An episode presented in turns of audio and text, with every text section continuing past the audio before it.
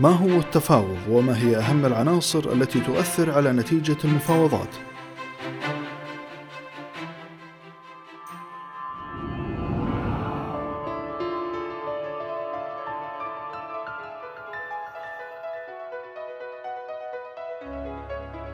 حياكم الله حديثنا اليوم عن مهارة التفاوض تعريفها وأهم العناصر التي تساعد في التأثير على نتيجة المفاوضات وما هي أهم مراحل اجتماعات التفاوض؟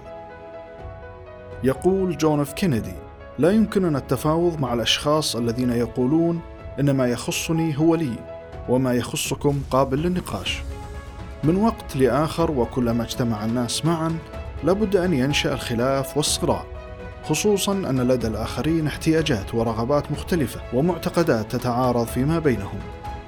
التفاوض هو عملية يمكن استخدامها لمعالجة الخلافات بين الناس ولإيجاد أرضية مشتركة حيث أنه بدون هذه المفاوضات قد نميل إلى الشعور بعدم الرضا والجدل والاستياء.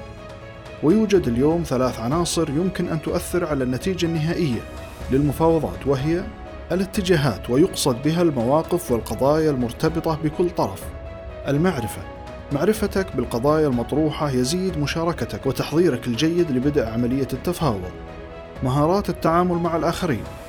ويقصد بها هنا معرفتك للتواصل اللفظي الفعال وبناء العلاقة وحل المشاكل والاستماع. وقد تحدثنا عنها مسبقا وتتلخص مراحل التفاوض في ستة نقاط من أجل تحقيق النتيجة المطلوبة وهي على الشكل التالي. التحضير. يجب اتخاذ قرار بشأن متى وأين سيعقد الاجتماع.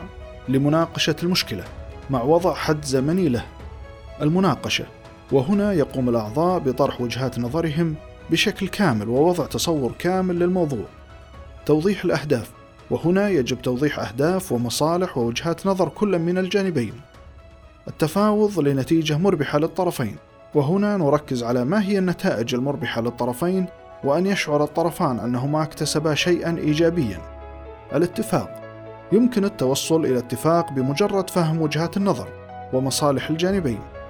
تنفيذ الاتفاق يجب أن يتم هنا بتنفيذ البنود المتفق عليها، وفي حال عدم الحصول على موافقة الأطراف للتفاوض فيجب إعادة تحديد موعد آخر خصوصا إذا زادت حدة بعض الأطراف أو أصبح النقاش ساخنا.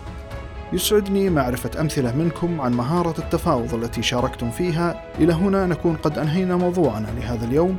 ألقاكم بخير ودمتم بحفظ الله.